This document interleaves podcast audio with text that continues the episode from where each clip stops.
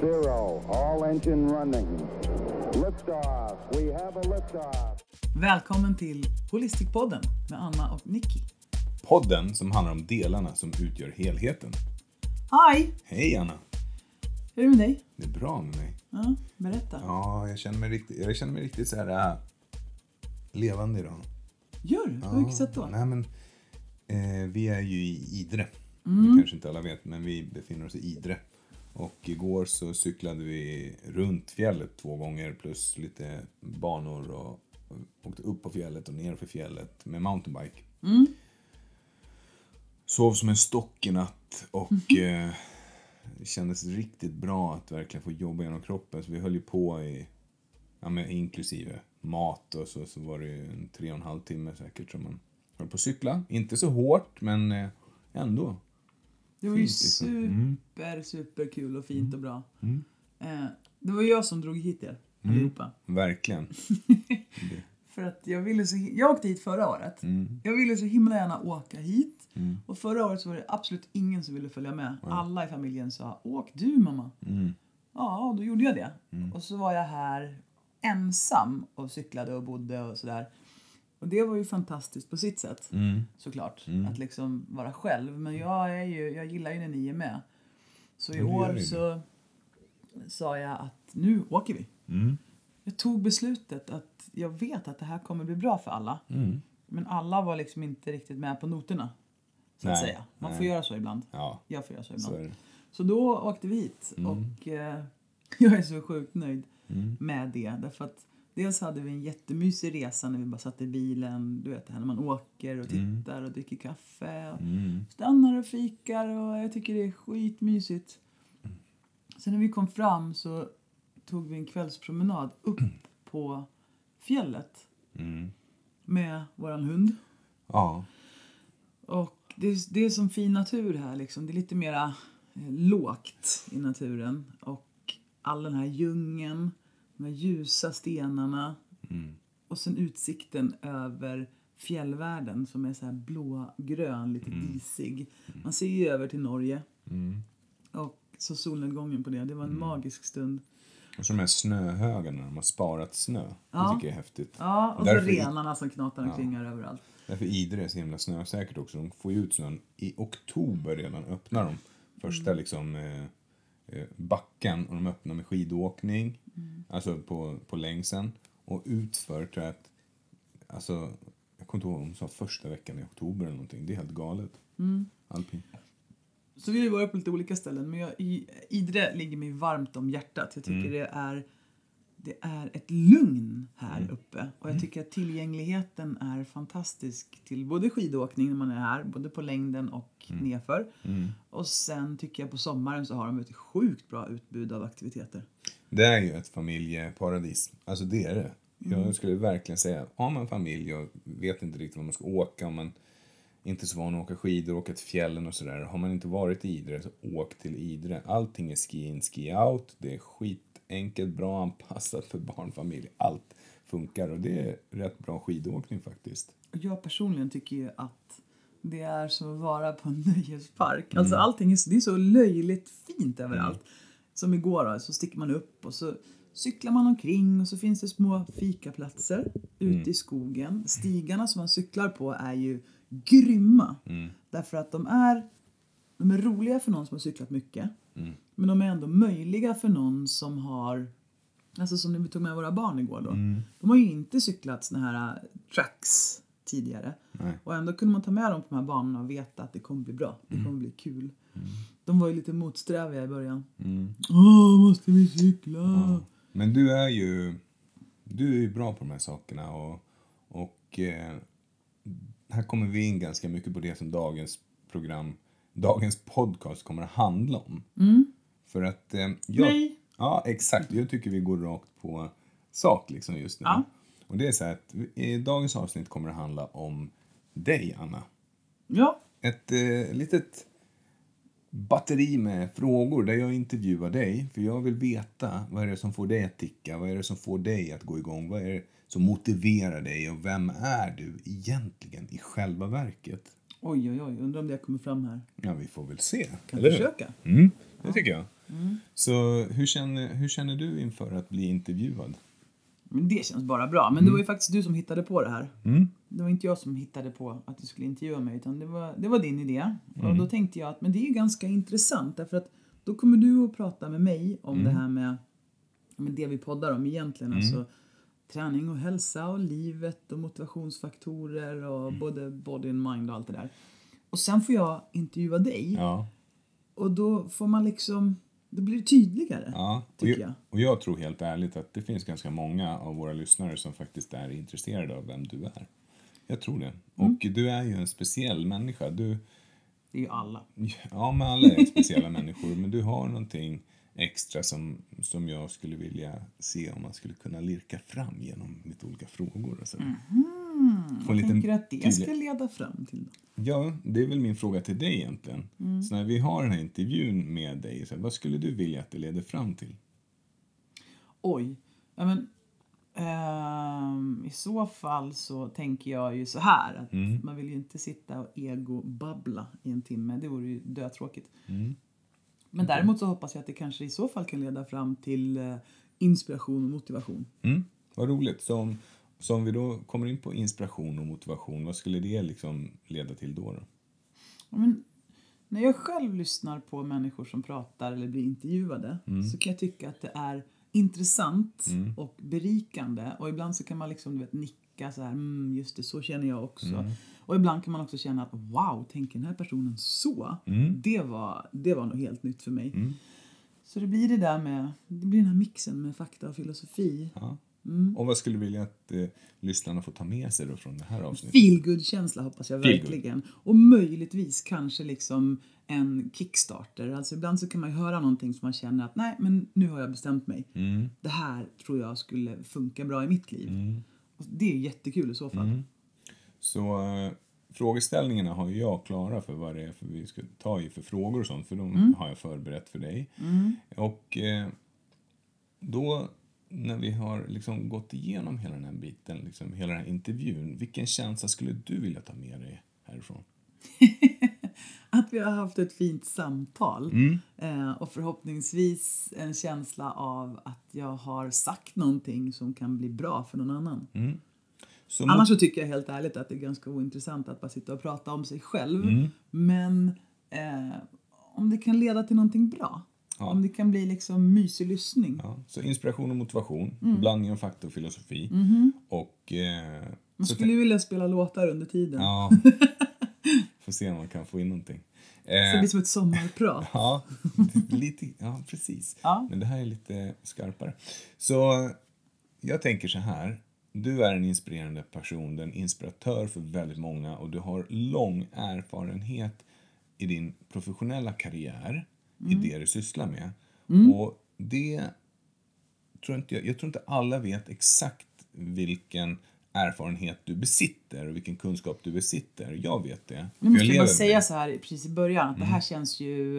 Det är jättefina ord du säger men för mig är det otroligt svårt att ta till mig någonsin Mm. Men att du- jag skulle vara en eh, inspiratör. Jag vet ju vad jag jobbar som. Mm. Jag vet ju vad jag håller på med. Eh, Men det är ju ingenting som jag går omkring och tänker att... Ja, det var ju "Oh, jag är en ödmjukt och inspiratör." fint, men nu får du bara ta till dig av det helt enkelt. Okej. Ja, så är det. Så jag, jag tänker så här, jag tänker gå ut bara rakt på sak med lite frågor. Och, och eh, vi börjar med att, för att få en lite mer, en tydligare bild av dig, f- liksom få den här paletten att liksom visa sig, så, så undrar jag så här. Jag har bett dig lista upp tre låtar som betyder något för dig. Ehm, och tre filmer som du gillar och varför. Det där var ju så himla svårt. Ja. Eh, och ganska, det är en ganska kul fråga att svara på. Mm. Därför att när någon säger då kan du välja tre låtar? Mm. Då blir det nästan tomt i huvudet. Ja, ja. Därför att det blir ganska mycket så här vad lyssnar jag på för någonting just nu? Jag kan kolla mina spellistor som jag lyssnar på just precis nu.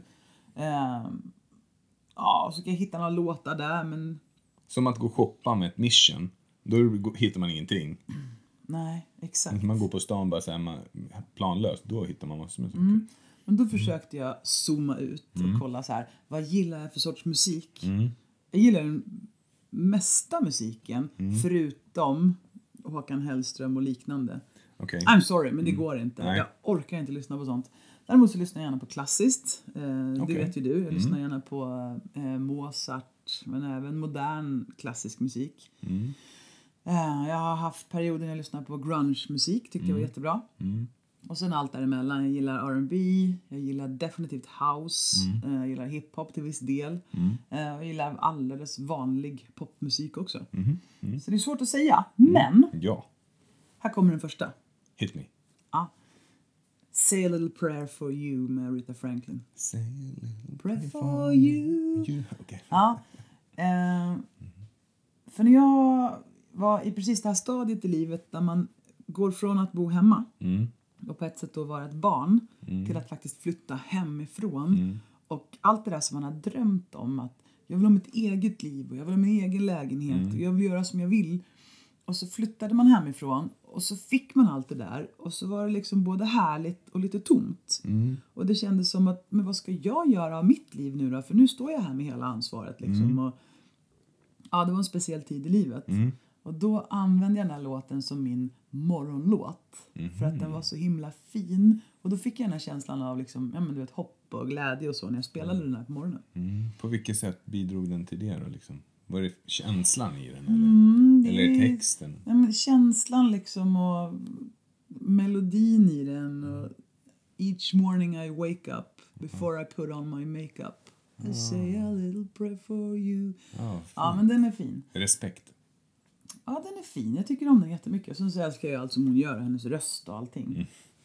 Så den kan jag fortfarande ta fram och lyssna på lite då och då. För jag tycker den är fin. Nummer två då. Nummer två. Eh, Också jätte... Det var, det var den första låten jag hittade. Sen var det så här, vad ska jag hitta på nu då? Men då kom man ju till... ehm, jag älskar ju en jädra massa gubbisar inom musiken. Mm, Jag gissar, är- jag gissar på Van Morrison. Det är Van Morrison, för han är en av de här gubbisarna. Peter Gabriel, Phil Collins, eh, Leonard Cohen. Det finns ju många gubbisar som är helt fantastiska. Joe Cocker. Men Van Morrison är den främste. Ja. Det han gör är magiskt. Och han har gjort en låt som heter Whenever God shines his light on you. Och den är så magiskt fin den låten. Och det var en låt som eh, varför den blev betydelsefull var för att det var ytterligare så här skifte i livet. Eh, det var innan jag hade flyttat hemifrån. Men när livet liksom började bli lite större och jag var duktig på att simma. Mm. Så jag blev medbjuden på en internationell resa i eh, en liten stad i Frankrike Mm.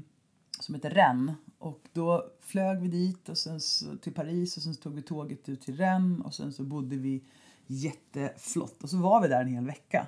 Mm. Och tränade och gick på stan och eh, sen var det tävling, internationell tävling och det var många olika länder där och tävlade och sen var det fest. Mhm. Och eh, sent om sidor på den här festkvällen så kom vi hem och jag kände så här att Alltså livet blev så stort helt plötsligt och jag kände att jag var egentligen nästan för liten för att livet var så stort och ja, det var en magisk stund. Och den där låten liksom landade in i mig Coolt. på ett sätt. Ja, den var jättefin. Så den, den kan jag fortfarande liksom lyssna på och bara känna att det är nästan, det är magiskt, det är så här överjordiskt fint. Häftigt. Så att, mm, de här två låtarna har med skiften att göra, båda två. Ja, Mm. Nummer... de har med skiften att göra. Och här kommer då den tredje låten som Ja. också har med skiften att göra. För att det, Okej. är liksom, ja, men det är där när man är i livet och livet eh, är på väg någonstans. Och man använder musik för att liksom transportera sig. Man Mm. behöver kraften i musiken, eller det här magiska i musiken för att liksom bära en till nästa steg. Och det finns många sådana låtar. Det finns en hel skiva av Janet Jackson när jag transformerade från ett förhållande till ett annat som också var viktig. Men det är som att det är ett peak state då, och det är ju där vi ankrar in liksom de här känslorna och egenskaperna och sånt som kanske behövs för den situationen. Mm. Tror- Tänker du då att om du skulle lyssna på de här låtarna Mm. vid, ett, vid ett läge där du skulle behöva ett skifte Mm. så skulle du kunna hjälpa dig att göra skiftet? Omedelbart, tror Okej, Mm. jag. Att om man, om man sätter, ja, men det är det som så funkar så bra. Om man sätter på Det är lite NLP. Mm. morgonlåten så kommer man i ett bra state. Eh, om jag sätter på When God Shines His Light då får jag en väldigt varm och mjuk och mysig känsla inuti. Fint, lyssna på den Eh, oftare. Ja, verkligen. Eh, och sen var det svårt att välja såklart. Det finns ju tusentals låtar. Men då valde jag My Love Is Your Love av Whitney Ah, Houston. Alltså, ja, den är För faktiskt... Mm. att när den kom, då var det så här som att vad fasen är det här? Det känns My helt life is nytt. your life. Mm, mm, mm. Helt grymt var det. Eh, och det var också en tid i livet, jag tror det var när vi hade träffats faktiskt. Som du lyssnar på den? Och livet innehöll väldigt mycket. ehm, vi hade gått ut skolan möjligtvis och vi höll på med triathlon väldigt mycket. Och det kändes som att en ny tid igen i livet öppnade sig. Liksom. Nu, nu är jag utbildad, jag är naprapat, jag håller på med triathlon, vi reser runt, liksom. du och jag hade träffat varandra. Det var mycket saker som hände. Och det är också en sån här känsla av hopp och framtidstro. Och... Vet du vilken låt som dyker upp hos mig då när vi träffas? Ah, ring, ting, ting, ting. Oj, varför? Jag vet inte. Den dök upp. Gud vad roligt. Eh, sen när jag lyssnar på den låten nu så är den ju så... Den är fortfarande bra, men det är så tragiskt att lyssna på den. För att hon eh, gick Ja, men bort som hon gjorde. Mm. Whitney Houston som hade såna gåvor i livet. Och så är hennes dotter med på den här låten också.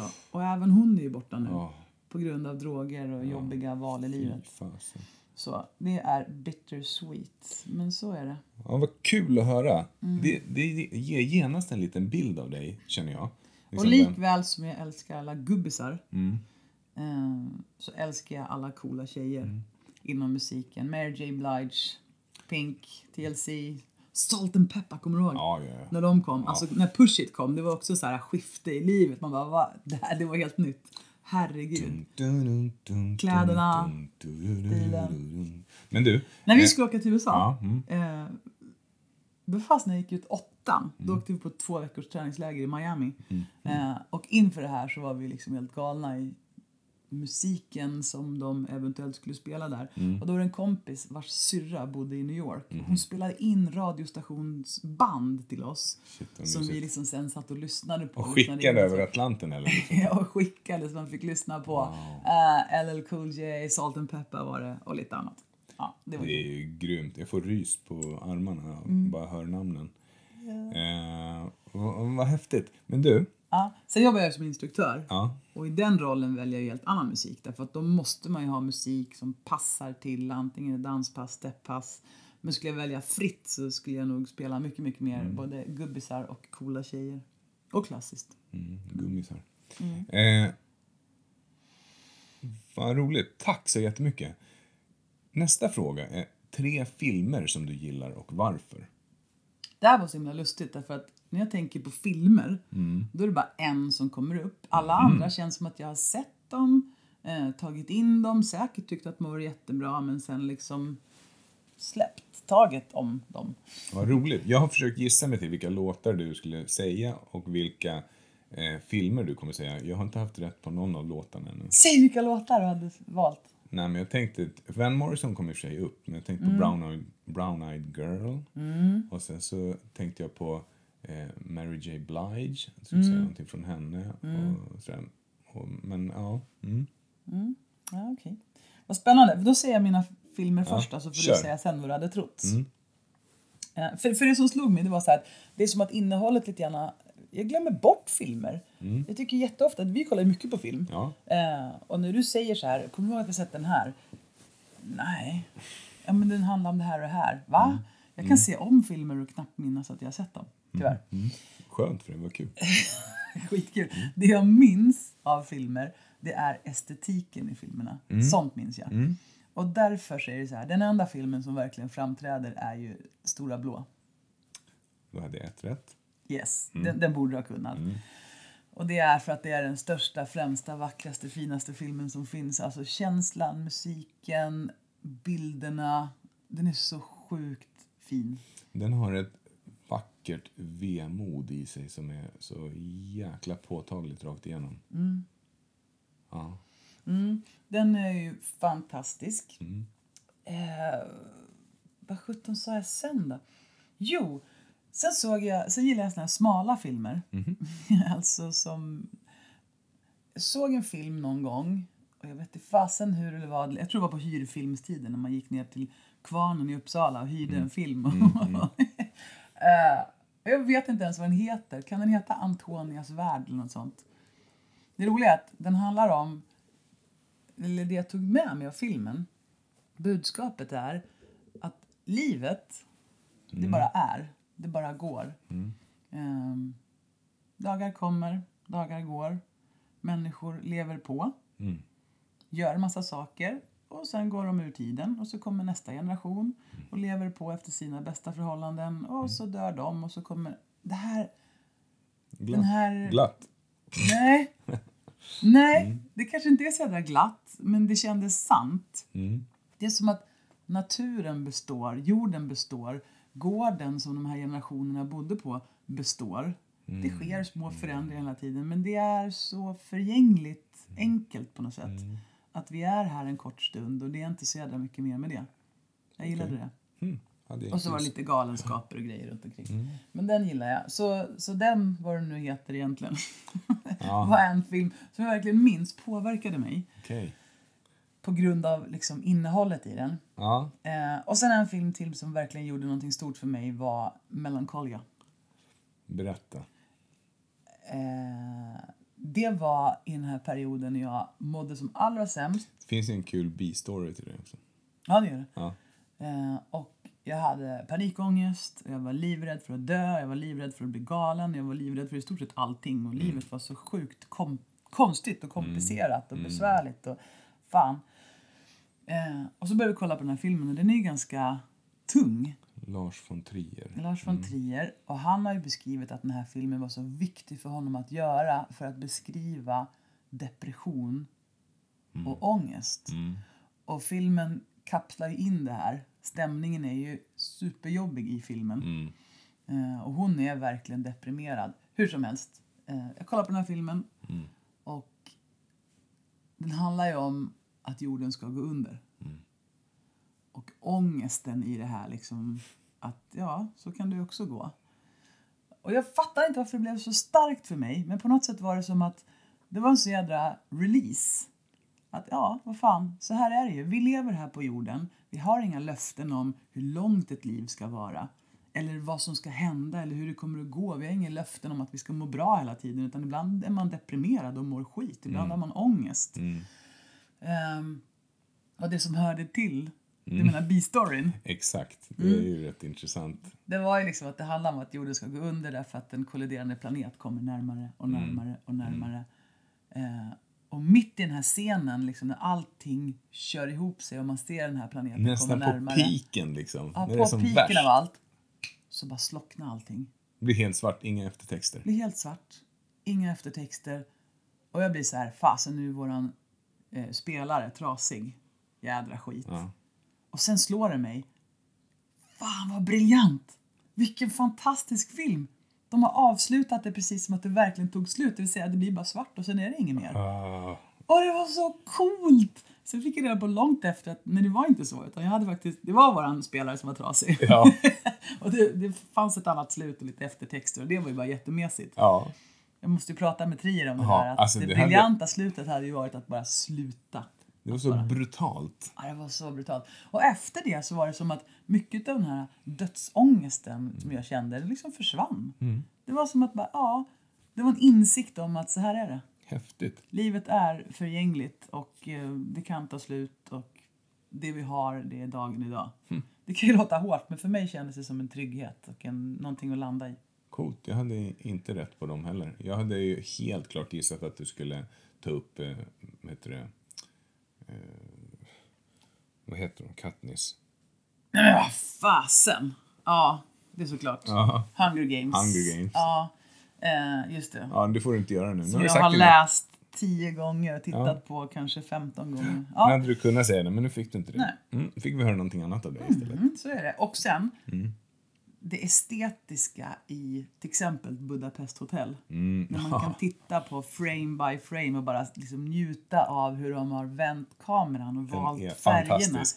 Det finns ju många filmer som är sådär fantastiska. Eh, Åh, det var grymt. Coolt! Vi har två frågor till som är lite lättsammare. Sen Mhm. kommer vi komma in på frågor om ledarskap, föräldraskap, partnerskap, träning och så vidare också. Oj. Men just nu så tänkte jag fråga dig så här. Vilken smurf är du? Mhm. Du vet smurferna, de här med, med en vit mössa och blå kropp och vita Mm. blöjor på sig. Mhm. Eh, förutom gammelsmurf som ju har röd mössa och röda blöjor. Det Vilken... är blöjor, det är strumpbyxor. Ja. Men i alla fall, så... eh, Och de har ju olika egenskaper, smurferna. Ja. Och det finns massa nya smurfer, såg jag när jag började googla på det här också. Men Mm, såklart. om du fick välja en smurf som, identifiera, som du skulle identifiera dig med, Mm. vilken smurf skulle du då identifiera dig med och varför? Den här tanken kom ju till mig för några veckor sedan. Att vi är smurfer allihopa. Och vi borde få vara smurfer. Det vill säga någon är väldigt, väldigt bra på att laga mat. Och då är, liksom, ja, men då är man matlagningssmurfen och så kan man få vara bra på det. Att det, liksom, det kan få vara okej att man inte är bäst på allt. Och jag tror att mitt bidrag om jag skulle bo i en smurfstad det skulle nog vara kanske i så fall typ festfixar-smurfen. Därför att det jag är bra på det är att jag vill att alla ska få vara med på roliga saker. Jag har ganska lätt för att liksom sätta ihop olika kontexter. Så här. Oh, vi borde göra det här, och så gör vi så här, och så fixar vi det här, och så lägger vi till det här och, och så är det jättekul att driva ihop det här.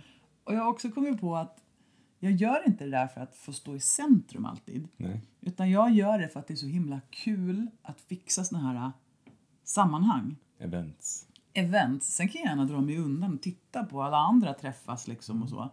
Och så är njutningen liksom att få vara kreativ och skapa saker. Alltså, Festfixar-smurfen alltså. Ja, Coolt. Yes. Vad skulle du vilja hissa respektive dissa?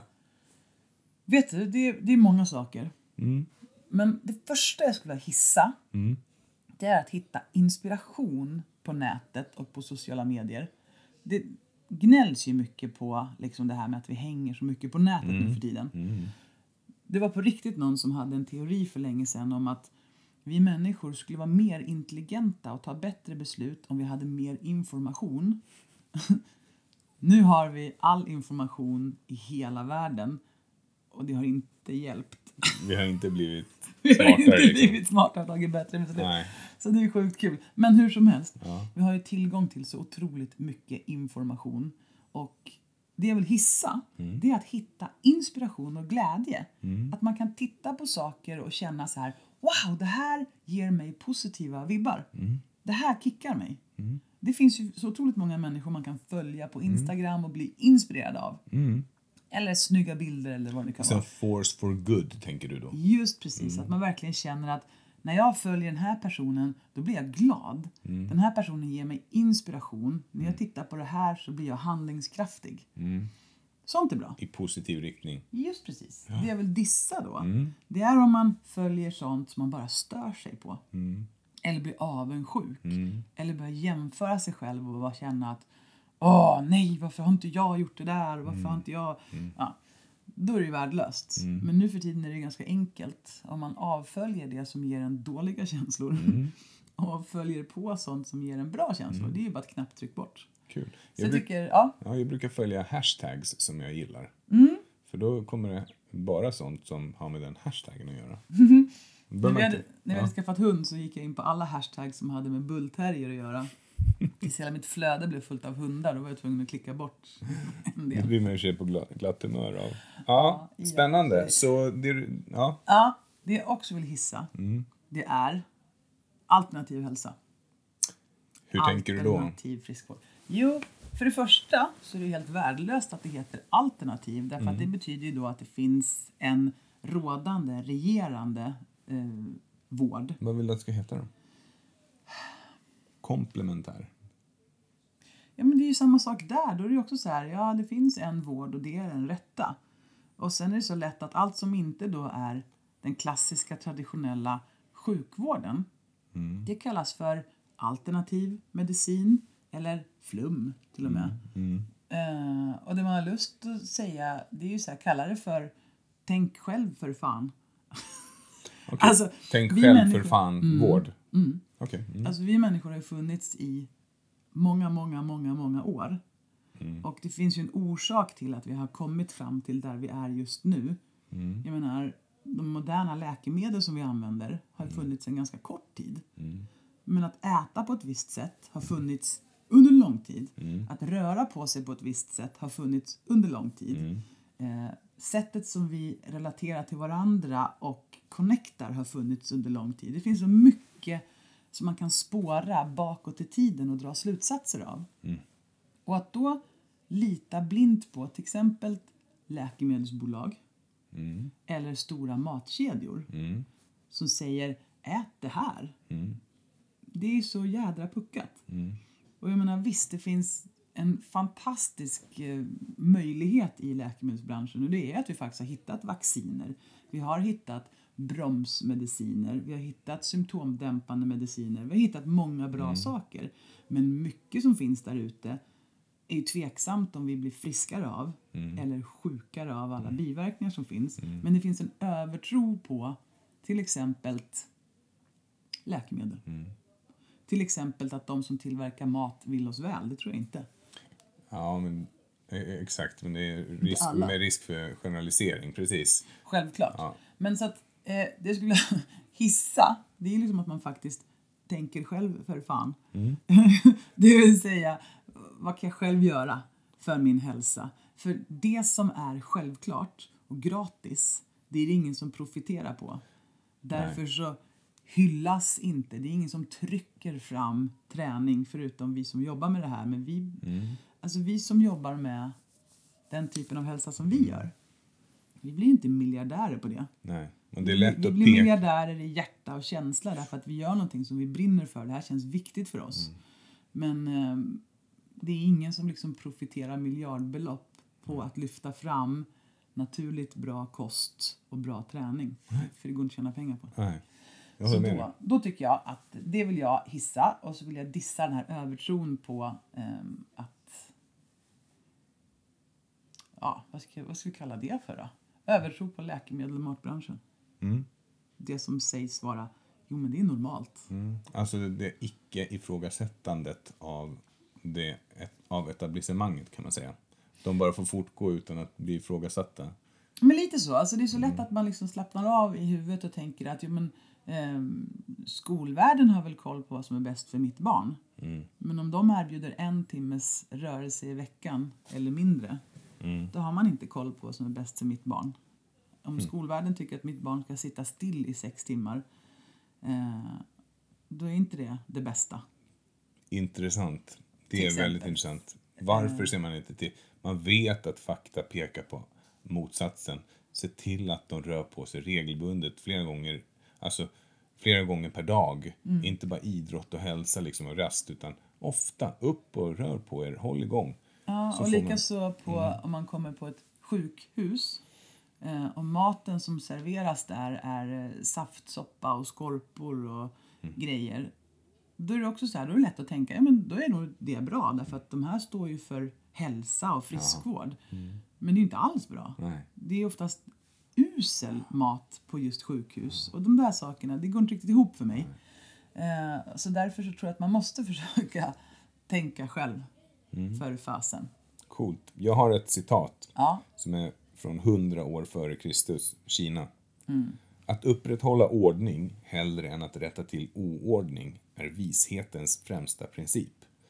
Att bota sjukdom som har brutit ut är som att gräva en brunn när man är törstig eller smida vapen när kriget redan brutit ut. Den är bra. Mm. Du har ju inte kommit dit än vad det gäller det här med oordning. Du tar ju hellre och skapar en jädra fantastisk oordning och sen rafsar runt i kaoset. Ja, precis. Jag rättar, säger du inte, nu? jag rättar inte ens till oordning. Nej. Nej. Vi tar det på din... Ja. din Ja, vi tar det med. Ja. Mm. Okej, grymt. Du, hur tycker du att det känns hittills? Ehm, lite ego, egobetonat då. Ja, men vi vill ju höra vad du tycker. Ja, om ni vill det då känns det bra. Ja, vad bra. Nu tänker jag gå in på de här fyra rubrikerna. Eh, det är ledarskap, föräldraskap, partnerskap och träning. Ah, okej, var det så du tänkte? Och jag tänker att du ska få svara lite snabbt på de här frågorna. Och inte, vi ska liksom inte dra ut för långt på svaren, utan jag vill höra vad du kärnfullt tycker. Hit me. Ja. Okej, så ledarskap. Eftersom det vi håller på med nu för tiden kallar vi för formholistic. Formholistic är ett företag som inbegriper många delar. Och en av delarna är det holistiska ledarskapet, vi, pra- vi har formholistisk klinik, vi har formholistisk podcast och så vidare och så vidare och så vidare. Vi föreläser, har events och kurser och ledarskapsutbildningar och då kommer det naturligt till ledarskapet. Och du har ju varit ledare under väldigt många år. Du har drivit eget företag i 20 år och haft anställda i över, ja, i nästan 20 års tid också. Eh, och varit chef eh, på massa andra ställen innan vi blev tillsammans också. Så om man då tänker på ledarskap, hur skulle du beskriva en bra ledare kort? Jag tror, ehm, precis som du sa, jag har haft många chefer själv och jag har också varit chef själv. Och jag ska inte på något sätt slå mig på bröstet och säga att jag har varit en bra chef. Men jag kan däremot säga att jag har lärt mig sjukt mycket av att vara chef och ledare. Ehm, och jag tror att en äkta och riktig passion för det man sysslar med är grunden till allt. Därför att om du verkligen gillar, älskar och brinner för det du gör, då är det så många saker som kommer gratis utav det. Du blir tydlig, du har riktning och du har energi och engagemang. Okej, det var fyra stycken hållpunkter som jag, det låter som ett bra tips. Så tydlighet, riktning, energi och engagemang. Jajamän. Där tror jag att, eh, och jag, men jag tror framförallt att en chef, det är ju någon som är utsedd att vara chef som ska liksom chefa. Och vad är det då? ja, men din chef, men en ledare. Det kan ju vara så att en ledare, det är någon som folk tyr sig till därför att den här personen utstrålar till exempel passionerat engagemang, tydlighet, riktning. Och då blir det en ledare, oavsett om det finns en chef. Folk följer ledare, inte nödvändigtvis chefer. Och varför behövs cheferna då? Ja, det kan man fråga sig. Jag menar, alltså, cheferna finns ju där, men det optimala vore ju om en chef också är en ledare. Men så är det ju absolut inte alltid. Nej. Det vet ju du också. Ja, absolut. Så, så hur skulle du beskriva en bra ledare då? då? Ja, en som har de egenskaperna helt enkelt. Ja, som, är, som är väldigt ja, men tydlig. Det har man ju märkt själv. Liksom. Har du en luddig, oengagerad, vag ledare då f- smittar du ju inte av sig någon sorts energi och engagemang på mig heller. Ibland har jag haft chefer själv som har varit så otroligt oengagerade så att jag har släppts fram som en ledare. Det vore kul i och för sig. Alltså när man får mycket utrymme och fria händer. Så en tydlig skitstövel hellre än en eh, otydlig fluffbomb. Det är ju ett citat som vi brukar använda när vi utbildar och det har man ju sett i studier att hellre en tydlig skitstövel än en väldigt otydlig liten gossekrambjörn till chef. Okej, snyggt. Vad är en holistisk ledare då? En holistisk ledare ser till helheten. Eh, och det här är någonting som jag, jag tycker inte man träffar på holistiska ledare särskilt ofta. Ja, jag har ett exempel, men kör. Berätta. Jag tänker på företaget Hero. Ja. Mm. Alltså Hero, eh, Robban och Mange där. Och de andra som jobbar med. De har verkligen gjort det till sin sak att se till att bli holistiska ledare. De Till s- exempel genom Ja, men till exempel att verkligen se till människans bästa på arbetsplatsen och till deras konsulter som de skickar ut och för att de som de då skickar ut sina konsulter till ska få ta fördelarna av det holistiska tänket. Alltså de har verkligen spridit ut cirklarna. De, de bidrar till mänskligheten på, genom olika eh, program som de har. Och, ja, men det är riktigt, eh, det, de har gjort eh, ett bra jobb. Jag kan tycka när man träffar eh, patienter och kunder och klienter som beskriver sin situation och hur det fungerar på deras arbetsplats så kan man känna så här, men åh, det kliar i fingrarna på mig att få komma dit och berätta och införa ett mer holistiskt angreppssätt. Därför att det är så lätt att bli fokuserad på resultat. Här ska vi producera resultat. Och kanske, kanske, kanske så har man plats för en sak till. Jo, just ja, eh, vi ska ha en friskvårdspeng också. Och så tänker man att man är holistisk då. Men det var som vår kollega Anna Fernman sa på Kapacitet att mm. friskvård är så sjukt mycket mer än stegräknartävling och fruktkorg på jobbet. Men det är oftast dit det sträcker sig. Vi jobbar ju efter en modell där man tar i beaktande folks fysiologi. Och för mig, jag fattar inte hur man överhuvudtaget kan vara ledare och inte inse att mina medarbetare är fysiologiska varelser. I sin enklaste grund så behöver vi sova och vila bra. Vi behöver äta bra och regelbundet. Och vi behöver ha en viss nivå av aktivitet och rörelse. Ja. De flesta arbetsplatserna är skapta som ganska stillasittande arbetsplatser. Bara där liksom försvinner ju så sjukt mycket av vår fysiologiska kapacitet. Sen behöver vi ha spelrum för att vi också är psykologiska varelser. Och det här tar vi med oss. Det finns liksom ingen skarp gräns att okej, jag mår skit hemma men jag mår bra på jobbet. Nej, Kanske mår man bättre på jobbet om man mår skit hemma men det smittar ju av sig. alltid åt ändra hållet. Och det Ja. holistiska ansvaret är ju att ta ansvar för båda delarna egentligen som ledare. Är man smart så gör man ju det. Ja. Därför att då förstår man att den här människan mår skit hemma just nu och det kommer att påverka arbetet. Hur kan jag på något sätt bidra till eller underlätta att den här människans psykiska mående blir bättre oavsett liksom vart problemet uppstod? Ja, och där är det fina ju. Ja, Är det. exakt. Så att, eh, ja, precis. Och sen är det ju det här med mellanmänskliga relationer som är så avgörande för oss. Vi är flockvarelser, vi vill vara med och höra till. Och det här med att kommunicera är inte så himla lätt. Det kan ta en livstid att försöka komma på hur man gör.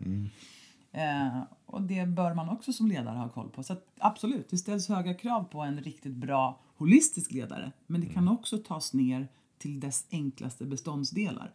Genom att känna till lite grann om alla och framförallt förstå att det är en helhet. Det går inte att ta en tårtbit och tänka att så, det här satsar vi på. För människor är helhet. Allting påverkar varandra. Det här är något jag grymt. känner starkt för känner jag. Kul! Jag märkte det. Ja. Går igång lite. Jag går igång lite. Mm, snyggt. Så ehm, då är då frågan, är det någon skillnad på en chef och ledare? Ja, och det tyckte jag att jag svarade på innan. Okej. Att Alltså, en chef kan vara en ledare i bästa fall, men det är inte säkert att en chef har ledaregenskaper eller på något sätt visar sig leda Nej, folk särskilt mycket. okej. Eh, och då kan det bli lite tråkigt. Bra. Så det här är ett skap Mm. då, ledarskap. Nästa skap är ju föräldraskapet Ja, som, eh, som vi delar. Och, oj, eh, oj, oj. Vilken uppgift det är. Eh, vad har föräldraskapet lärt dig hittills? Allt, Nicky. Allt. Ja. Ehm, när jag var liten så trodde jag inte att jag ville ha barn. För jag tyckte att barnverkar var så jädra tråkiga och jobbiga. Och liksom, jag tyckte inte att barn var gulliga. Sen fick min faster barn. Och det var första gången som jag tror jag träffade på ett barn som jag faktiskt tyckte om. Min eh, lilla kusin, Kajsa-Stina. Mm, vad gulligt. Ja. Och, eh, men sen liksom plötsligt så slog den där biologiska klockan på och det var som ett kanonskott. Och hela Mm. min, mitt väsen sa nu ska jag bli mamma. Och då kom det ju inga barn på Mm. Nej. tre år. Och det var ju den mest bedrövande väntan jag någonsin har varit med om. Och under den här tiden så hann jag tänka så mycket saker. Bland annat så hann jag tänka att men jag, jag vill till varje pris ha barn. Om inte jag får det nu, då finns det ingenting som kan täcka över det. Så kändes det då.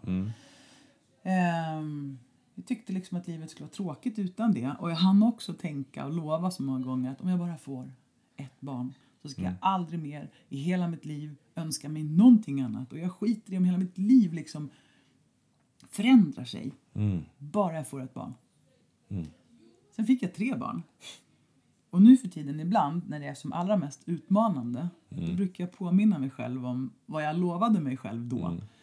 Och det hjälper Ja, faktiskt. vad, vad lovade du dig själv? Nej, men jag lovade mig själv, men bara få ett barn så skiter jag i allt annat. Då får livet vara hur Mm. som helst. Bara jag liksom får ett barn. Så då fick vi barn. Så då fick vi tre barn. Ja. Och v- var det som du trodde då? Ja och nej. Mhm. Eh, ehm, wow, vad ska jag säga om det? Vad, vad trodde jag ens att det skulle vara? Jag ska vara Jag hade fluffigt ju- och rosa. Eh, nej, nej.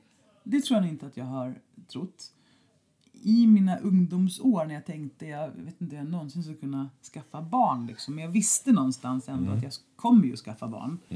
Och om och när jag gör det då hoppas jag att det inte blir en sån här tråkig, traditionell, regelbunden familj. Det vill jag inte ha. Nej. Jag hade en tanke om att jag skulle ha typ sju olika barn med sju olika pappor och så Wow. skulle det vara så här. Ja, Okej. Mm. det kanske var barnsligt. Men det kanske står för att jag verkligen inte ville ha någon tråkig, ordinär, inrutad familj. Nej. Och det tycker jag inte vi har fått. Vi har ju fått tre stycken barn och de är ju definitivt viljestarka. Ja. Eh, De följer inte några liksom... Det är inte så att man kan säga åt dem vad de ska göra och så gör de det Nej. riktigt. Och så fungerar ju varken du eller jag heller så att jag borde ju inte bli förvånad. Egentligen inte, men Nej. man, man, ibland önskar man ju att de var mindre lika en själv. Ja, Alltså, verkligen. verk- ja. Alltså det är ju, ja men det är ju eh, kryddstarkt i vår familj. Det är högljutt. Och Det det är sådär knasigt och livligt som jag drömde om. Mm. Så eh, vad föräldraskapet har lärt mig, det blev ju så jädra tydligt. Vi fick vårt första barn Ja. och för mig var det som att vara hög på lycka från det att jag blev gravid eh, en lång tid framöver. Och ganska snabbt så blev ju jag gravid. Jag tyckte det var det här med att ha ett barn, Mm, en, en bebis, det var så här, det är bara kul, det är bara enkelt, det är bara härligt. Jag fattar inte vad folk pratar om. Att vara gravid är underbart, att ha en bebis är underbart. Allt var så enkelt. Och sen blev vi gravida igen, ganska snabbt efter ett år.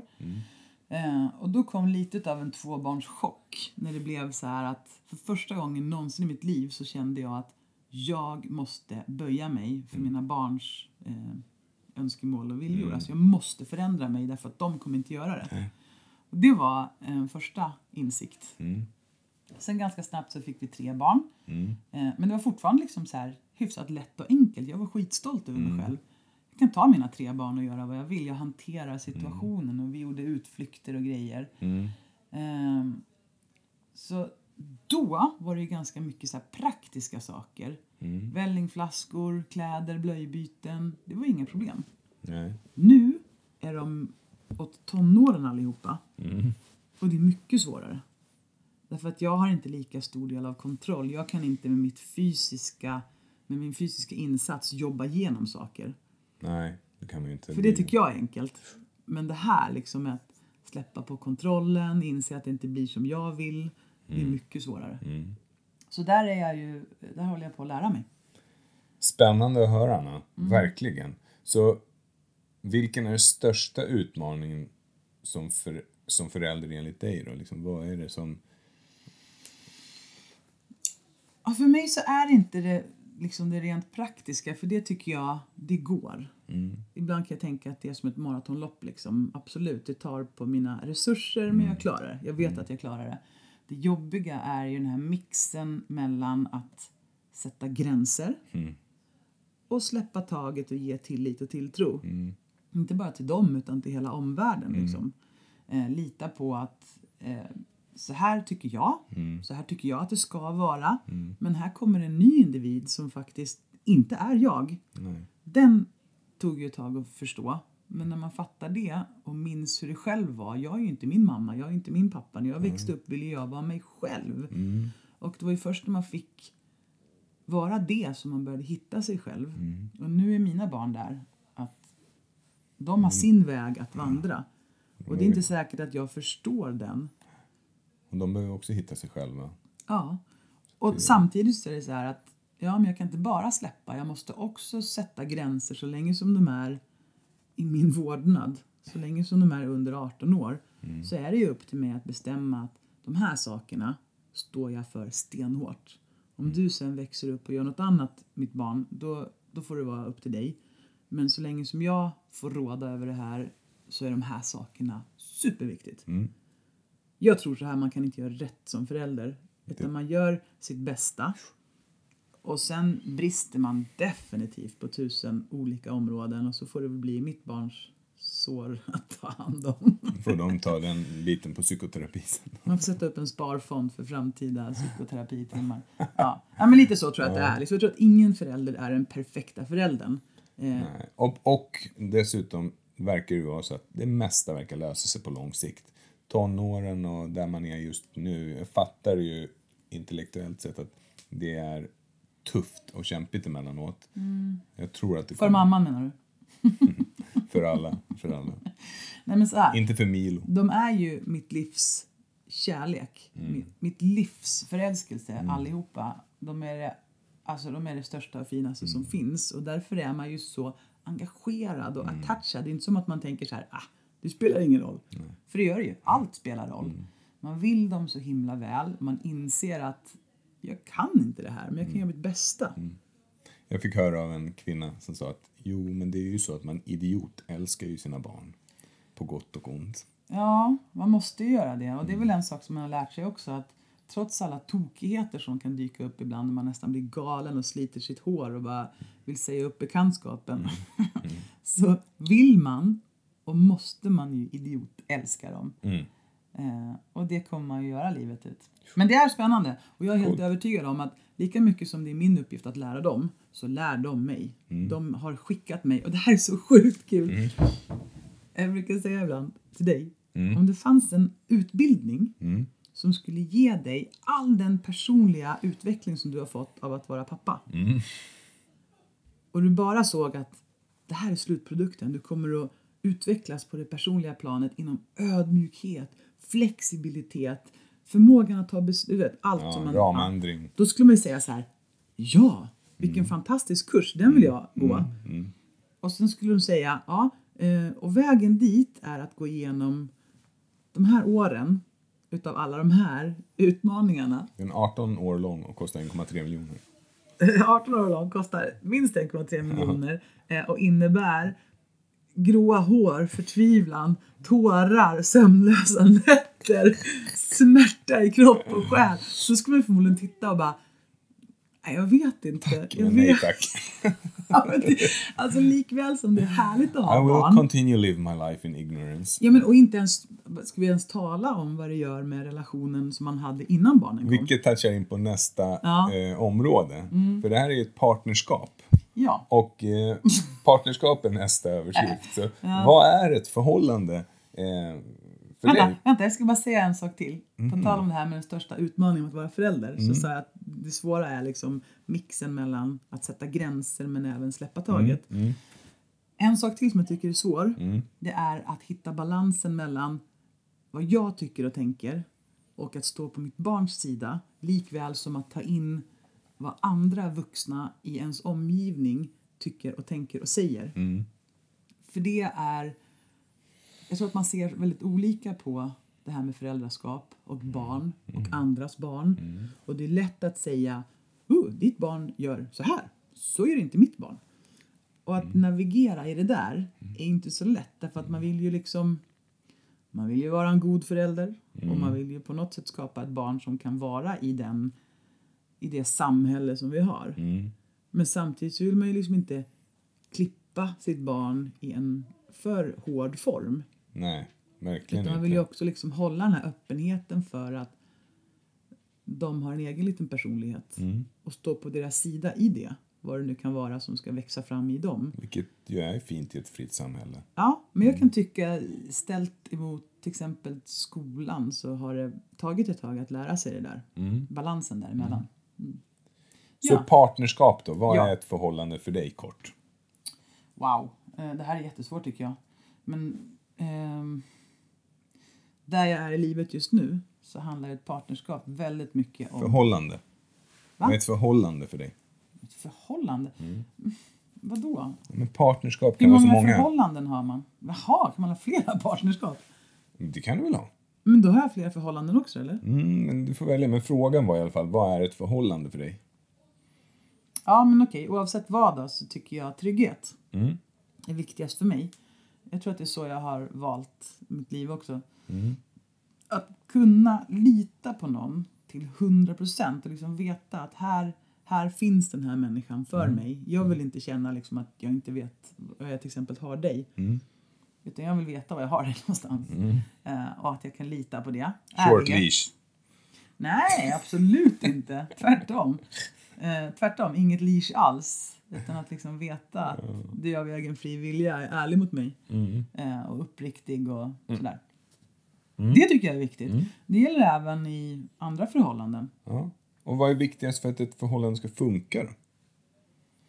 Det tror jag är tveklöst att man accepterar den andra Mm, människan för vad den är.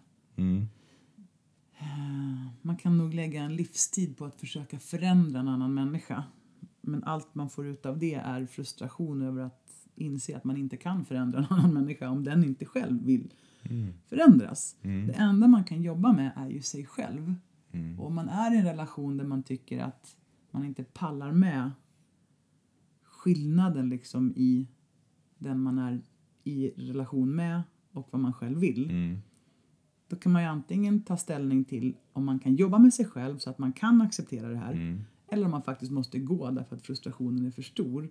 Men att sätta sitt hopp till att jo men när den här andra människan förändrar sig, då blir det bra mellan oss. Då tror jag man är in pain. Rökt. Ja, Okej. det tror jag. Ja. Så ehm, du, Mm. tror du att vi är skapta för monogami då? Nej Inte? och ja. Både Ja. Ja, ja och nej. Jag tror inte att alla är skapta för monogami. Jag tror att vissa verkar vara det. Och liksom tycker att det känns toppen och jättefint och sådär. Vi tycks ju ha en inneboende förmåga att bli svartsjuka. Så vi tycks ju allihopa, eller de flesta av oss i alla fall, ha en förmåga att tycka att om vi är tillsammans, då ska vi vara exklusivt tillsammans. Och man blir jättesårad och ledsen om någon inte är trogen. Ja. Men däremot så tror jag att den här ramen för vad vi alla ska stöpas in i Mm. är väldigt snäv. Att man ska växa upp, träffa någon, boy meets girl. Mm. Och så ska man så småningom förlova sig, för det gör man. Mm. Och sen ska man gifta sig, för det ska man ju göra. Och sen ska man skaffa ett eller två eller nu för tiden kanske tre barn då. Mm. Och så hus och sen ska man ha bil och sen så ska man ha vissa prylar för att det, ja du vet. Allt Jag det Mm. lyckas där. ganska bra med det.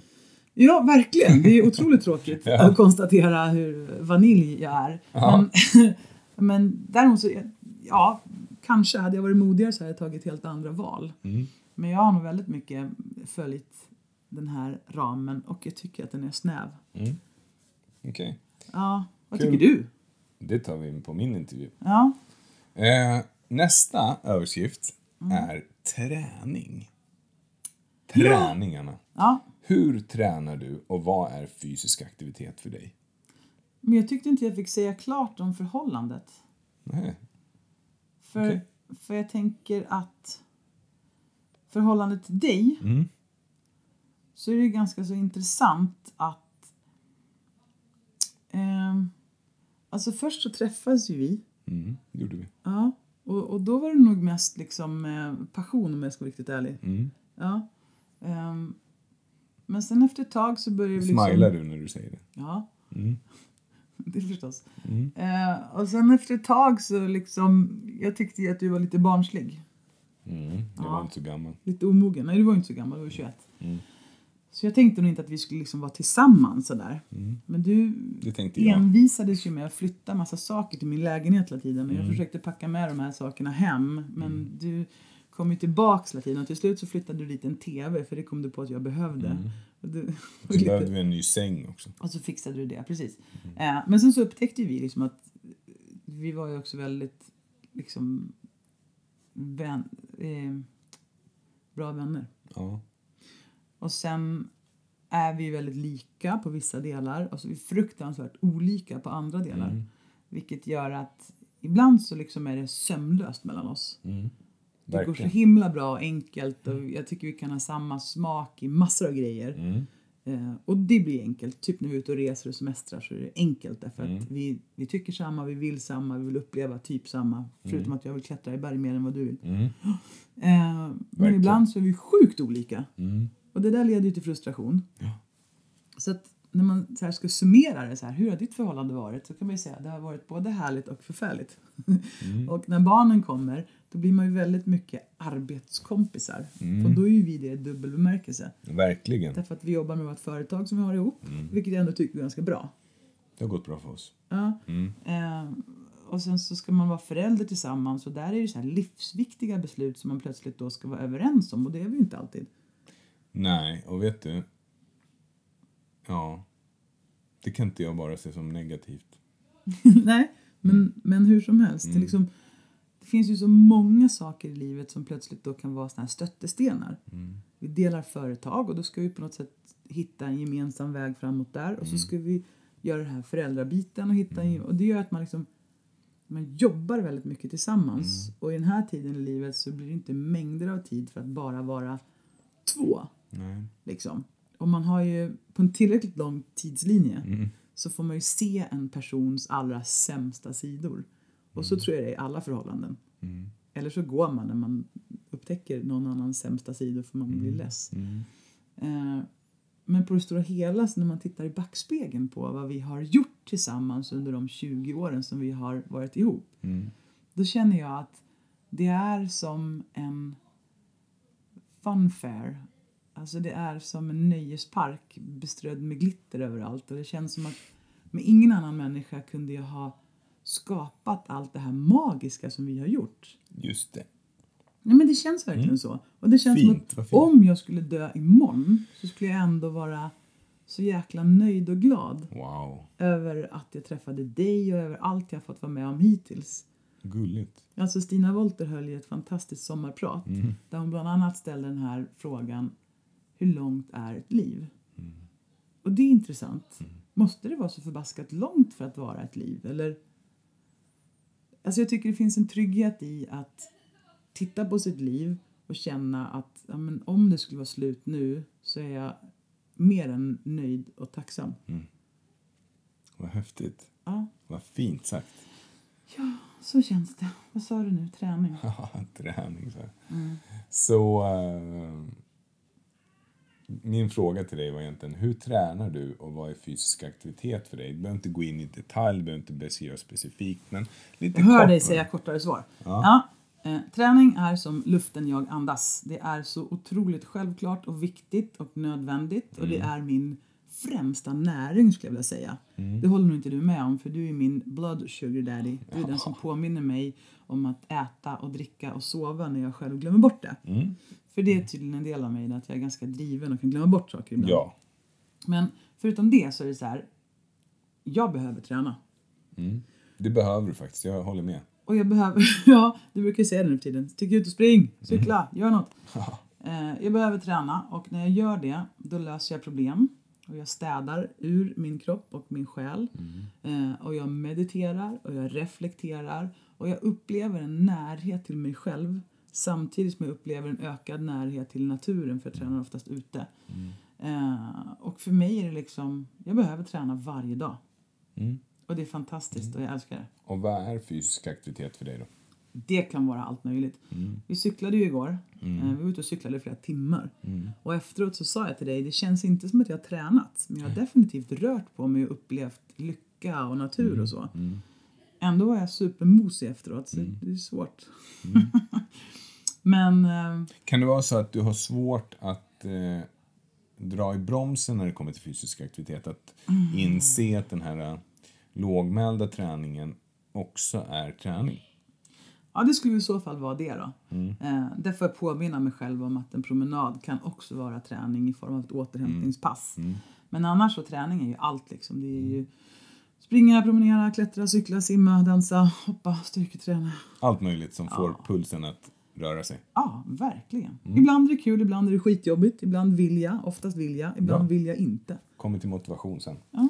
Så hur ser du till att få i dig rätt näring då om vi kollar på nästa del av hjulet? Mm, Det här Nicke har varit en lång resa för mig. För när jag var liten då tyckte jag alltid om riktig mat.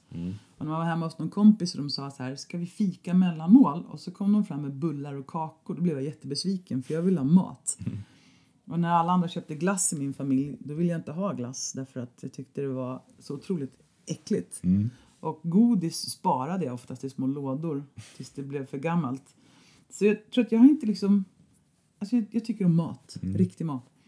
Och nu för tiden så brukar jag tänka på att äta ren mat, Mm. få i mig proteiner, bra fetter, mycket bra från grönsaker, fibrer och sådana saker. Mm. Jag tar gärna tillskott i form av alltså piller och sånt då, Mm. extra tillskott. Ehm, och jag äter definitivt andra saker också som inte är nyttigt. Och när Vad är jag det mm. gör det, ja, men, det är ju till exempel, att, eh, jag gillar ju att baka. Och nu för tiden så bakar jag mest... eh, Det var en period när jag bakade så här rå och paleo och grejer. Men mina barn blev så otroligt less på det. Så nu för tiden bakar jag liksom verkligen med smör och mjöl och mjölk. Och jag tycker det är ljuvligt. Och då äter jag bullar utan att liksom på något sätt ångra mig eller skämmas eller så. Njuter av det istället. Ja, godis däremot tycker jag ändå är ganska värdelöst. Jag tycker det är tråkigt. Men eh, bullar och pannkakor och nybakat bröd och sånt där, det tycker jag ändå är lovely. Mm. Coolt. Mhm. Du, hur återhämtar du dig? Ja, hör du. Sömn är allt mer viktigt för mig. Så att sova ordentligt och ostört, det har blivit så här, det vill jag verkligen. Därför att blir jag störd på natten, då är nästa dag påverkad. Eh, Jag är inte en sån här person som kan sitta ner och bara vila. Jag har väldigt svårt för det faktiskt. Eh, Det här, sätt dig i soffan och vila, det är ju... Det, det är ett feltänk. det funkar inte. Däremot om jag vet att jag är uppstissad och behöver vila, då brukar jag städa lådor. Tar en låda, häller ut allt på marken och sen sitter jag liksom och sorterar det här. Och det blir vilsamt. Alltså, mindfulness handlar ju om att vara i görandet. Och det har jag lättare för. Så antingen det eller att jag syr eller gräver i trädgården eller ja, du vet, krattar, målar. Sådana saker Coolt. är återhämtning för mig. Plus meditation. Och då kommer man ju in på begreppet hälsa Mhm. som helhet. Så vad är hälsa för dig då, då, nu när vi har pratat om allt det här? där skulle jag vilja säga ehm, att det är så himla personligt. Jag skulle vilja säga att det är egentligen ointressant vad hälsa är för mig i det här sammanhanget. Därför att det viktigaste av allt det är vad får var och en att må bra? Jag tror att man ska leta efter den där känslan av må bra inuti kroppen och själen. Alltså när man känner så här, ja men det känns bra. Man blir glad eller hoppfull eller inspirerad. Och det som får var och en att känna den känslan, det är hälsa. Och då är det så ointressant att prata om att för mig så handlar det om att springa upp för ett fjäll. Därför att för någon annan så handlar det om att gå på ansiktsbehandling eller äta ett äpple istället för en bulle. Alltså det kan vara Eh, att, vara, att, att sticka, att vara med i en bokcirkel. Så väldigt individuellt. Ja, om det är något jag har lärt mig under alla år som jag har jobbat med hälsa så är det ju att jag struntar i exakt vad var och en tycker och det önskar jag att alla kunde förstå. Jag vill möta människan där den är och därifrån kan vi ta en diskussion om hur hälsan kan bli ännu bättre. Vad kul att höra, Anna. Alltså det, är ju, det här är ju lite intressant för att min önskan var ju att skapa ett mer ett personporträtt av dig, en tydligare bild av vem du är. och eh, även om jag lever med dig så är det ju fortfarande så att det finns ju massor med saker som jag kan inspireras av och lära mig av eh, kring dig. En sak som jag har lärt mig av dig är det här med motivation. För att du är en människa som verkar ha ett driv som väldigt många säkert skulle önska att de hade. Och då är min fråga till dig så här, vad är dina bästa motivationstips? Kan du ge tips på hur man kan tänka för att skapa mer inre motivation? Självmotivationen. Det här är ju så himla spännande därför att det tog mig lång tid innan jag fattade att alla människor inte är likadana. Typ på en arbetsplats. Jag har alltid tyckt om att jobba till exempel. Nästan vart jag än har varit så har jag hittat ganska mycket egen motivation. Och när jag senare blev chef och ledare så fattade inte jag varför inte alla liksom var självdrivande i att hitta glädje och motivation och uppgifter och jobba på framåt och sådär. Så att det är svårt att liksom sätta fingret på någonting som man tänkte att det är väl självklart att man bara har. Eh, men jag tror att jag har väldigt lätt för att få en målbild i huvudet. Eh, och när jag väl har fått en målbild i huvudet då är jag som en målstyrd missil. alltså när jag väl har fått en bild av att det här är det jag ska uppnå, då vill jag bara dit så fort som möjligt. Kan du beskriva tydligare? Vad är, vad är den här målbilden? Kan Mm. du Men det beskriva, är väl hur, sån, självklart. kan du beskriva hur en sån målbild skulle kunna vara? Om vi kan ta ett exempel som var Mm. en ganska svår uppgift då. Jag ville få med er hit, Mm. hela familjen, till en stuga. Och så ville jag få med hela familjen att cykla mountainbike runt fjället. Mm. Och då fattade jag att det här kommer bli svårt. Mm. Men målbilden var helt självklar. Jag vill bara att alla ska cykla runt. Det kan hända att de gör det och är skitsura, eller så gör de det och är lite glada, eller så gör de det och det blir jättemysigt. Det är skitsamma, men målbilden var ju tydlig. Okej? Eh. Så på NLP-vis, är Mm. det så att du ser en bild av det här rent konkret? Alltså, som ett vykort eller en film? En eller vad? film. Jag är väldigt visuell. Okej, så du skapar en film i ditt huvud av hur du föreställer dig att det här ser ut? Mm. Ja, vad coolt. Och hör du då saker i det här? Säger du någonting särskilt till dig själv? Och så? Nej, men jag, eh, nej, jag säger inte så mycket till mig själv utan jag liksom ser den här filmen och eventuellt hör jag ljud till. Och sen så vet jag bara att okej, det här är vad jag vill göra och så vet jag att för det är mycket lättare när det är målbilder som bara inbegriper mig.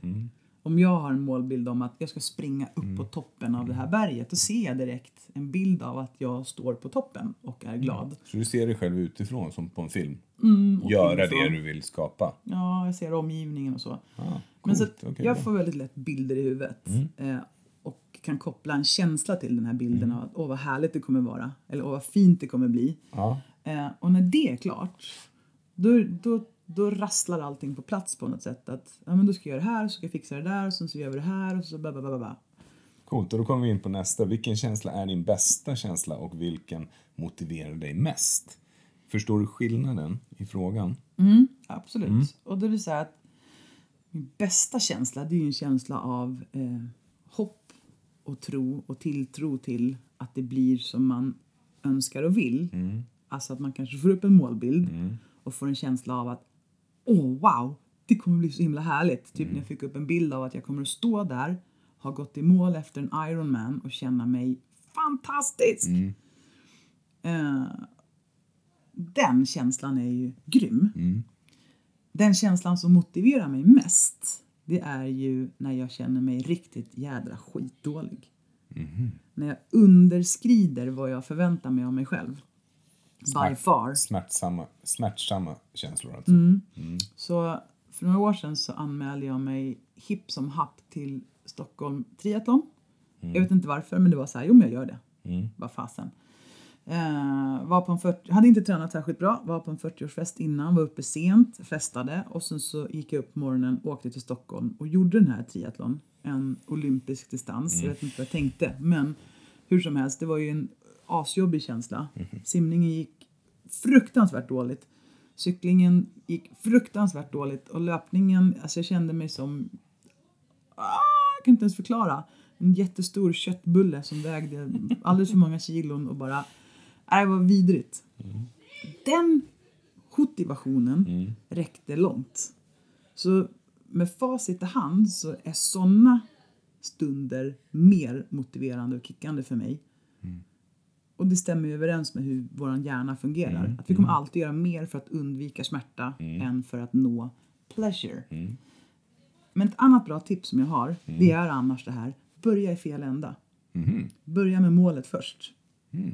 Jag tror att jag någonstans hade en tanke om att jag ville hålla på med triathlon så jag började med en tävling. Och det gav mig motivation och det gav mig en känsla för vad jag behövde göra. Eh, Sätt dig själv i situationen som du vill vara i. Gör det på en gång. Tänk inte för mycket, vänta inte för länge. Vill du byta jobb, säg upp dig. Vill du byta relation, gör slut. Alltså liksom, gå inte och vänta på, försök tänka fram någonting. Eh, vill du börja med cykling, köp en cykel. Ja, nu har du lånat upp pengar, men nu får du väl stilla och cykla då. Mm, precis. Förstår du vad jag menar? Ja, jag Att man, fattar. liksom, verkligen. Mm. man går pang på rödbetan och börjar med det man vill göra. Sen får man jobba ut detaljerna efteråt. Mm. Vill jag starta ett nytt företag, gör det! Och så får du lösa det sen. Mm. Därför att då blir pressen så pass stor så att man gör saker och ting mer effektivt. Mm. Än om man går omkring och tänker att jag har all tid i världen på mig att nå mitt mål, kanske någon gång. Häftigt!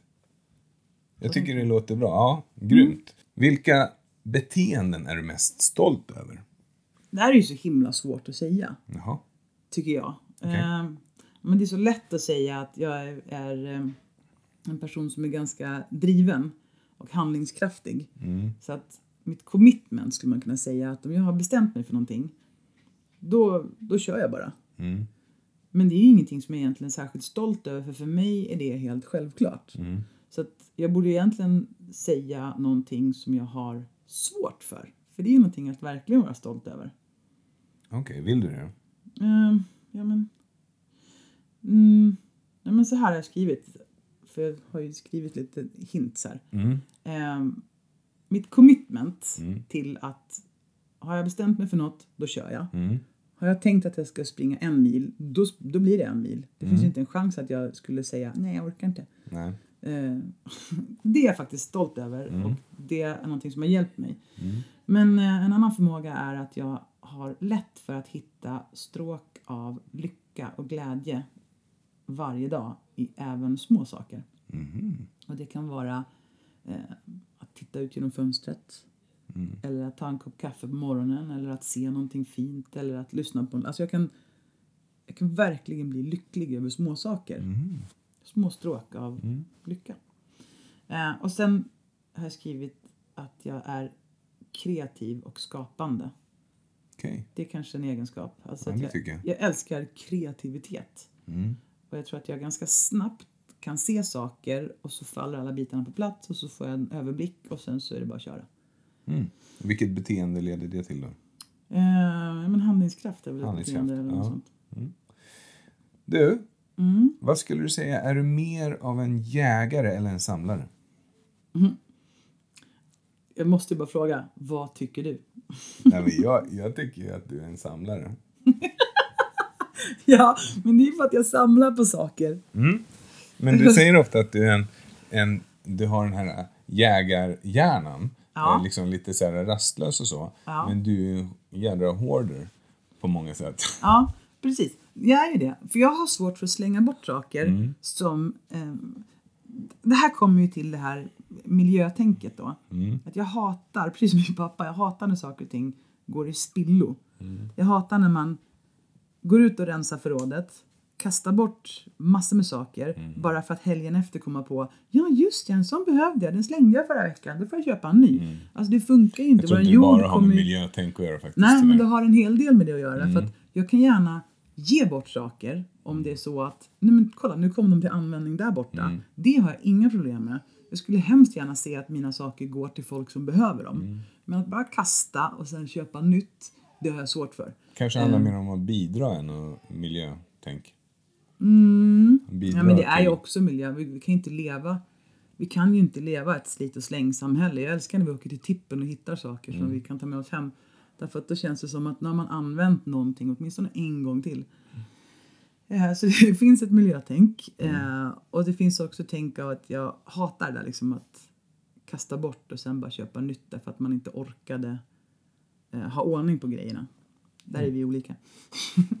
Ehm, men vad det gäller Alltså, vad är det mer som stärker samlartesen? då? Jag älskar att samla in svamp och bär. Ja, du samlar på tidningar, du samlar på kläder, du samlar på Ja, men tidningar möbler, du har ju samlar ett på värde. koppar, du samlar på eh, skro... Nej, men du samlar på eh, loppisfynd. Ja, Eh, tidningar är ju så här. Jag kan ju ta en tidning från 20 år tillbaks och slå upp den och det ger mig liksom en hel värld av känslor. Så Okej. det är jättesvårt. Jag kan till och med ångra tidningar som jag har slängt bort. Jag kan komma ihåg vissa nummer av tidningar som ni har tvingat mig att slänga bort och nu ångrar jag det.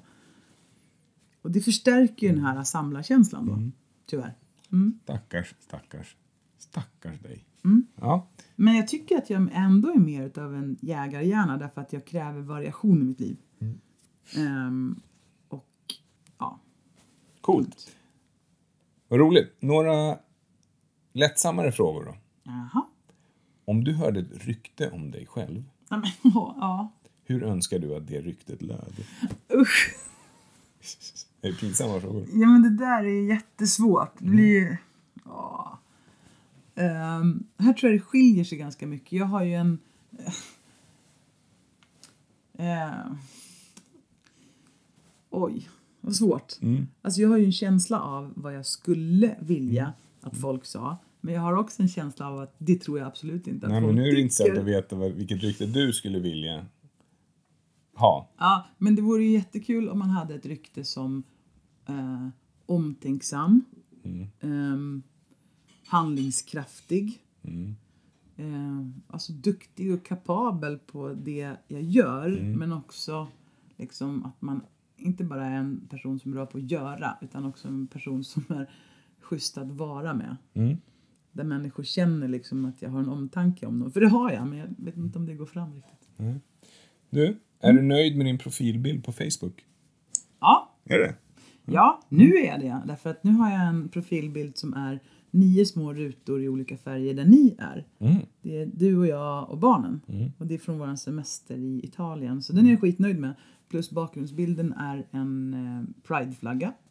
Och det är någonting som jag verkligen står för och vill liksom vara öppen för att jag tycker att alla människor har ett lika värde och jag vill verkligen att alltså öppna upp för att allt är okej. Så länge ingen far illa Ja. så öppnar jag upp för att alla variationer är välkomna. Coolt. Du, Mm. du har lite ehm, beskrivande ord om dig Mm. som fi- florerar sådär. Mm-hmm. Så om jag säger diesel power, vad säger du då? Jaha, den är bra. Diesel power, det står för att jag är en eh, maskin när det gäller att jag kan bara fortsätta och fortsätta och fortsätta. Med allt nästan faktiskt. Ja, det är helt sjukt. Det slog mig när vi började renovera vår lokal här nu och vi skulle måla om och göra fint. Det, jag blev nästan förvånad över mig själv. Jag går in dit på morgonen och liksom får dra mig själv därifrån klockan nio på kvällen därför att annars skulle jag stå dygnet runt och bara mata på. För att nu har jag bestämt mig för att det här ska jag göra. Eh, och om jag till exempel gör en Ironman eller något annat långlopp, då vet jag att det kan hända att det kommer svackor. Det kan hända att det kommer stunder när jag känner nu är det kört, nu går det inte längre. Ändå vet jag att det går alltid längre. Det går alltid att fortsätta. Och det är väl den här dieselpowern. Däremot så hatar jag intervallträning för det är skitjobbigt. Ja, Jag tar mycket, mycket hellre och maler på länge och länge och länge. riktigt tung dieselmotor. Ja, men också alla jädra timmar som man har lagt i en simbassäng när jag höll på med simning. De har ju tusen gånger han tänka "Åh, det här är långtråkigt. Det är ju liksom mellan två kakel i två timmar i stöten. Det är ju egentligen hjärndött. Tio gånger i veckan. Ja, men minst. Och ändå hur man aldrig gav upp. Man alltid gick dit hela tiden. Det är dieselpower. Ja, nästa då. Om Mm. jag säger Tarzan-Anna, vad säger du då? Jag vet inte riktigt vad jag ska säga om det, men det tilltalar mig. Det var min kompis Karin, hennes dotter läste en bok som hette Tarzan Anna. Och sen så frågade hon sin mamma, är det hon som är Tarzan Anna? Vad gulligt, varför tror du hon frågade det för då? Det vet jag inte, kanske för att jag är lite grann som en Tarzan Anna. Eh, nej men jag tycker jag gör en massa grejer som är lite Tarzan. Som vadå? Hej och hå, hit och dit. Hade du en lian och slingare mellan hus till hus, då hade du säkert gjort det. Har en lian på landet. Ja. Nej, men jag upplever att under min uppväxt och under min- hela mitt liv hittills så har jag gjort väldigt många saker liksom, och kanske inte dragit mig för så mycket saker. Och jag kan, det kan ploppa upp i mitt huvud att eh, en Ironman var kul. Eller klättra upp för ett berg var roligt. Mm, Ja. roligt. ja, men jag gör mycket grejer och jag drar mig inte för att använda min fysik, fysiologi, för att liksom göra massa utmaningar och jag tycker det är kul. Okej, nu kommer Trey Sister Froger. Ja. Okej. Så, har du några boktips? Oj. Ehm, det har jag ju förstås. Mm. Och nu kommer de. Okej. Jag kan inte låta bli att säga att om man läser The Hunger Games Mm. då kan det finnas en risk för att man måste läsa dem nio gånger till. För känslan i Hunger Games är så fantastiskt bra. Jag vet inte vad det är. Jag bara tycker att de är helt underbara. Eh, Jag kommer säkert att läsa dem tio gånger till. Och tio du gånger är till. ju Katniss. Jag är ju Katniss. Alltså Tarzan jag och Anna är Katniss. Mm. ju... Ja, precis. Så det är ju en fantastisk eh, bokserie som jag kan rekommendera. Förutom när du ser ormar, då är du inte Katniss. Nej. Inte så värst. Nej. Det är äckligt. Ja. Usch. Ja, ehm... Nicky. Ja, Vad mer för boktips? Det är så svårt. men du man- måste inte ge så många. Är det bara, är det det du vill ge? Nej, Men jag ger ju alltid samma boktips. Habits of a Happy Brain. Det är en bok som jag har läst som jag tycker är eh, fantastisk. Mm, jag läste Alkemisten en gång och jag var tvungen att liksom ligga och sträckläsa den från början till slut för den var så fantastisk och innebörden bakom var så fantastisk. Sen har jag läst om den och då var det inte alls samma magi så jag vet inte. Kanske det. Om du skulle beskriva dig själv med tre ord, vilka skulle de vara? Det som dyker upp är stark. Jag tycker att jag är stark. Ehm, och sen kommer nästa ord som nästan är tvärt emot då, eller men känslig. Tidigare när någon sa att jag var känslig så tänkte jag det är inte klokt, det är precis vad jag inte är. Men det har blivit tydligt under åren att jag är väldigt känslig. Jag tar in väldigt, väldigt mycket och blir påverkad av saker och ting. Eh, och sen är det att jag är kreativ och det är en liksom en livsådra för mig att få vara kreativ. Det är så himla viktigt. Eh, och eh, lite drömmande är jag också. Alltså att få drömma. Både dagdrömma och nattdrömma är väldigt viktigt för mig. Okej, spännande. Sista frågan, Anna. Mm. Vad skulle vara otroligt roligt att kunna berätta om ett år från och med idag? Vilken snäv liten grej. Ett år. Ja, så vi ses här igen, så här, ap- helt apropå, så pratar vi med varandra. Så du, kommer du ihåg att jag ställde en fråga för ett år sedan? Och så säger jag så här, du, ja det gör jag, vet du vad som är så himla roligt? Och vet du? Nej, Ärligt talat. Det allra roligaste, men det kommer inte att hända. okej, Det är kör. att jag skulle sitta eh, med, en liten, eh, med mitt fjärde barn i famnen om ett år. Wow. Ja, Kan du fixa det? spännande. Kan, kan du fixa det? Intressant fråga. Nej, det hade varit grymt. Jag tycker... Ja. Eh, men förutom det då, så har jag inte satt några så här mål direkt. Men vi startar ju en ny lokal just nu och jag håller på och roddar en massa grejer med min verksamhet. Det är så många områden i livet. Jag antar att om vi är här om ett år och pratar om vad som har hänt så vore det jättekul att kunna säga att jag har haft riktigt, riktigt kul Mm. och haft innerliga, riktiga möten med människor som har givit mig och de andra någonting. Typ så. Alltså ibland kan man få en känsla av att livet sätter en på uppfostringsanstalt. Mm. Man simmar motströms, man blir knockad varje dag och så vidare. Det finns ju sådana stunder i livet man bara känner, det var då fan vad det ska vara jobbigt just nu då. Och efter en sån period så kan man ju förtjäna en period av när man känner det här flowet. För de har ju också känt ibland att är universum med mig nu? Allt bara flowar och det känns härligt och bra. Och saker faller på plats och tillfällen dyker upp. Och, eh, ja. Så det vore väl kul att Grymt. säga om ett år. För jag har inget så här specifikt uttalat mål. Nej, Jag kanske skaffa det nu när du sa det. tycker jag. Det låter som en bra idé. Ja. Du, Ja. Från början så sa vi Mm. att vi skulle prata, eller att det skulle handla om motivation och inspiration. Det var det som lyssnarna skulle få ta med sig. Och, och vad tror du att de fick av det här samtalet? du känner ju mig, så du vet ju att jag oftast har mycket att säga. Jag har mycket åsikter.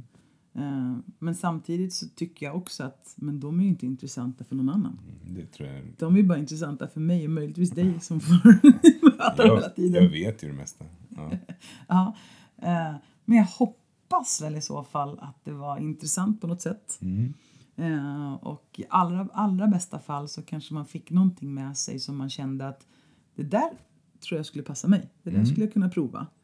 Eh, Och jag hoppas att i så fall, i bästa fall, att det blir som det blir för mig ibland, att man faktiskt blir inspirerad och känner att det här var ju kul.